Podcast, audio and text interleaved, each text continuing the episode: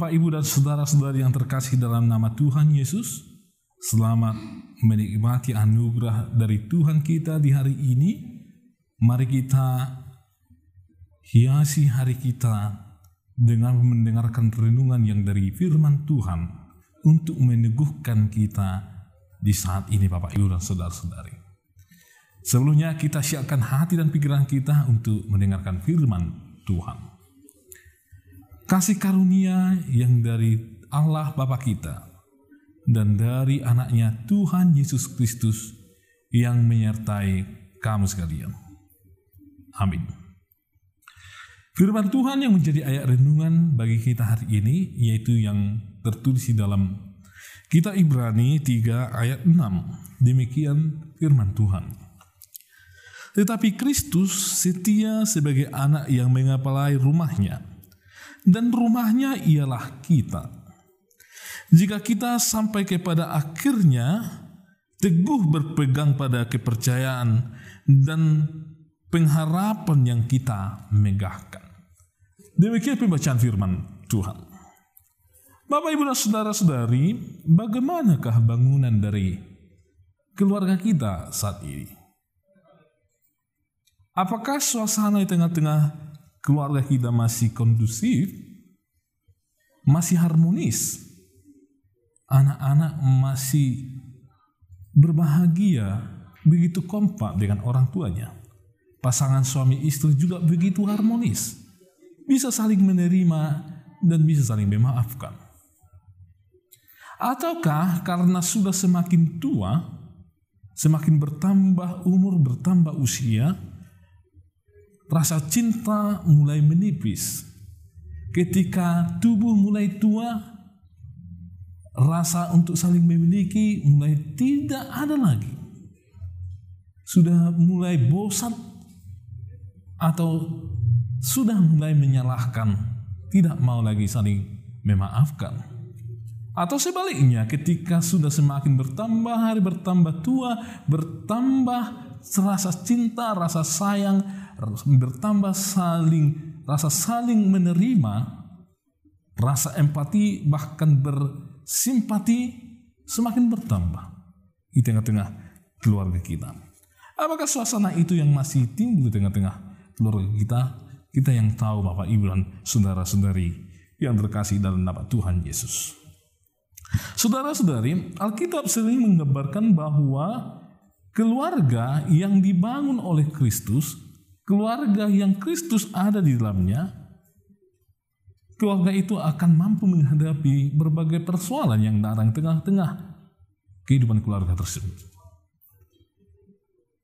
Persoalan memang ada. Dan Tuhan tidak pernah menjanjikan bahwa ketika bersama-sama dengan dia, persoalan tidak datang. Tapi ada. Dan mungkin banyak persoalan. Tetapi orang yang hidup di dalam Tuhan Alkitab selalu menggambarkan bahwa keluarga-keluarga yang ada dalam Tuhan mereka akan mampu menghadapi persoalan-persoalan tersebut. Kesulitan-kesulitan tersebut. Tubuh bisa saja semakin tua, uang bisa saja semakin habis, tenaga, pikiran bisa saja semakin habis. Tetapi rasa cinta karena hidup di dalam Kristus bisa terbangun terus bisa eksis terus di tengah-tengah keluarga tersebut. Saudara-saudari itulah yang kita lihat di dalam Ibrani 3 ayat 6 ini di mana ketika kita diajak oleh Kristus untuk membangun keluarga kita seutuhnya, membangun keluarga kita semakin supaya semakin harmonis. Kita harus berusaha.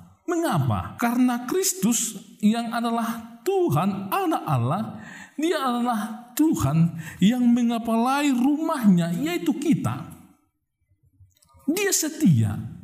Dia tidak pernah melihat bagaimana keadaan keluarga kita. Apakah kita kekurangan uang? Dia tidak pernah meninggalkan. Apakah kita semakin tua? Dia tidak meninggalkan. Apakah kita lemah? Tidak berdaya? Dia tidak pernah meninggalkan. Dia tetap setia kepada rumahnya, keluarganya, yaitu kita.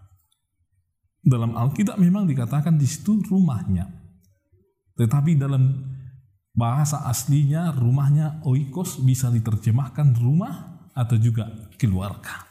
Jadi kita Bapak Ibu dan Saudara-saudari adalah keluarga dari Kristus di mana Kristus setia kepada kondisi kita, kehidupan kita. Untuk itu Bapak Ibu dan Saudara-saudari yang terkasih dalam nama Tuhan, marilah kita tetap bangun keluarga kita. Kita bersuka cita untuk tetap teguh dalam kondisi keluarga kita, apalagi di masa sekarang ini. Bisa saja kehidupan kita semakin sulit, kondisi keuangan semakin sulit, kondisi tengah-tengah keluarga juga semakin sulit.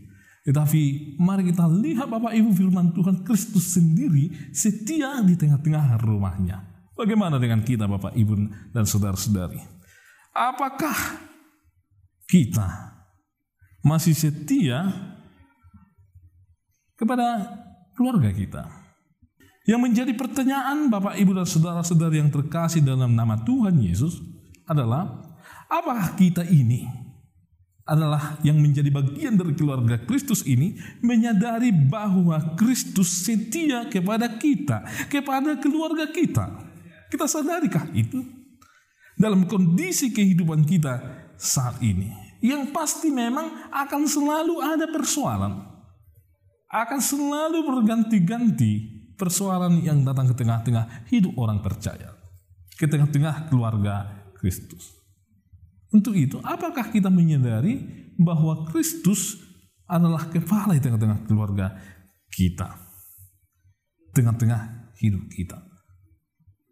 Untuk itu, Bapak, Ibu, dan saudara-saudari, krisis bisa saja datang, situasi sulit bisa saja datang, tetapi orang-orang percaya, keluarga Kristen orang percaya harus menyadari bahwa Kristus tetap setia menjadi kepala di tengah-tengah keluarganya, yaitu kita, keluarga kita.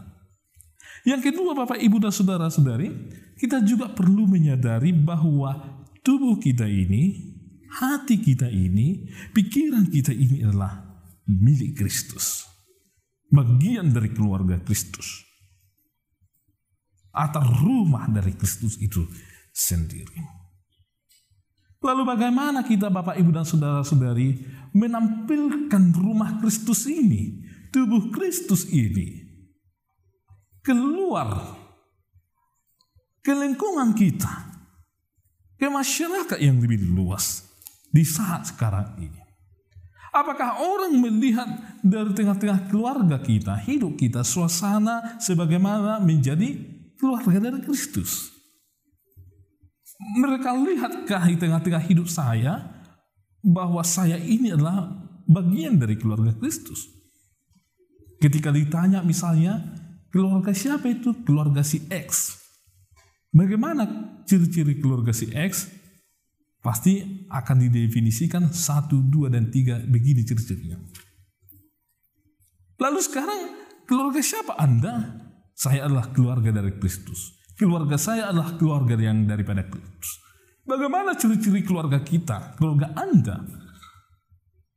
Apakah yang akan dinilai oleh dunia ini? Apakah kita sama dengan dunia ini, keluarga dunia ini? Atau Bapak, Ibu, dan Saudara-saudari, kita meneladani sebagaimana yang dilakukan oleh Kristus di tengah-tengah kehidupan kita. Kristus itu mengasihi karena kasih itu mampu menutupi banyak sekali dosa. Kristus itu hidup di dalam damai sejahtera. Kristus itu memberikan pengampunan. Kristus memberikan pengharapan dan sukacita. Keluarga kita juga, hidup kita juga adalah bagian dari itu. Bagian dari suasana dari keluarga Kristus bukan yang masih menampilkan kekejaman, kedengkian, kebencian di tengah-tengah dunia ini. Itu bukan bagian dari keluarga Kristus. Untuk itu mari kita sadari Bapak Ibu dan Saudari-saudari, mari kita tampilkan ke tengah-tengah dunia ini, ke tengah-tengah kehidupan kita bahwa kita inilah bagian dari keluarga Kristus. Keluarga kita juga adalah bagian dari keluarga Kristus yang harus dilihat dunia ini bahwa suasana di tengah-tengah keluarga kita adalah suasana yang pernah dilakukan oleh Tuhan Yesus Kristus di tengah-tengah dunia ini. Amin. Kami sungguh bersyukur ya Tuhan, karena Tuhan telah menjadikan kami menjadi bagian dari keluargamu. Sehingga kami ya Tuhan tahu bagaimana untuk hidup di tengah-tengah dunia ini, menimbang segala sesuatu, mengerjakan pekerjaan yang Tuhan kehendaki, yang hidup di dalam sukacita, pengampunan dan damai sejahtera yang daripada Tuhan, agar kiranya ya Tuhan, dunia ini beroleh kasih karunia yang daripada Tuhan, melalui kami ini ya Tuhan yang telah kau pilih menjadi bagian dari keluargamu. Kuasai kami ya Tuhan dengan kuasa roh kudusmu, agar kami ya Tuhan selalu menampilkan suasana sebagaimana orang yang sudah menjadi keluarga daripada Tuhan Yesus Kristus. Berkatilah jemaatmu ya Tuhan dalam segala pergumulan mereka. Lindungi jauhkan dari segala persoalan ya Tuhan. Serta kuatkan mereka menghadapi persoalan-persoalan yang datang di saat sekarang ini. Berkati anak-anak dari jemaatmu ya Tuhan, yang sekolah agar mereka ya Tuhan sabar dan bijaksana dalam menghadapi situasi sekarang ini karena mereka harus belajar di rumah ya Tuhan tanpa bersosialisasi dengan teman-teman mereka ya Tuhan. Tapi kami percaya ya Tuhan, Tuhan akan menganugerahkan anugerah Tuhan yang paling luar biasa bagi anak-anakmu ya Tuhan, anak-anak jemaatmu ya Tuhan yaitu hikmat yang daripada Tuhan. Berkatilah gerejamu ya Tuhan yang akan melayani umat. Sehingga pelayanan ya Tuhan berjalan dengan baik sesuai dengan yang Tuhan kehendaki. Dan nama Tuhan semakin dimuliakan melalui pelayanan yang telah diprogramkan di tengah-tengah gereja. Pemerintah di tengah-tengah bangsa ini ya Tuhan engkaulah yang melindungi, yang menguatkan, memberikan hikmat bagi mereka di dalam membuat kebijakan-kebijakan untuk membangun bangsa kami ini, mensejahterakan masyarakat, sehingga semua bangsa ini ya Tuhan, orang di tengah-tengah bangsa kami ini ya Tuhan, bersuka cita atas hikmat Tuhan bagi pemerintah kami, sehingga setiap orang di tengah-tengah bangsa kami ini ya Tuhan, mengaku bahwa Engkaulah Tuhan yang senantiasa hadir untuk memberikan hikmat bagi siapa pun. Ya Tuhan, begitu banyak yang kami perlukan di tengah-tengah hidup kami. Kami percaya Tuhan akan senantiasa mencukupkan kami, memberkati kami, sehingga kami ya Tuhan beroleh sukacita. Ampuni kami ya Tuhan dari segala dosa dan pelanggaran kami, sehingga kami ya Tuhan layak di hadapan hanya dalam Kristus Yesus kami berdoa. Amin.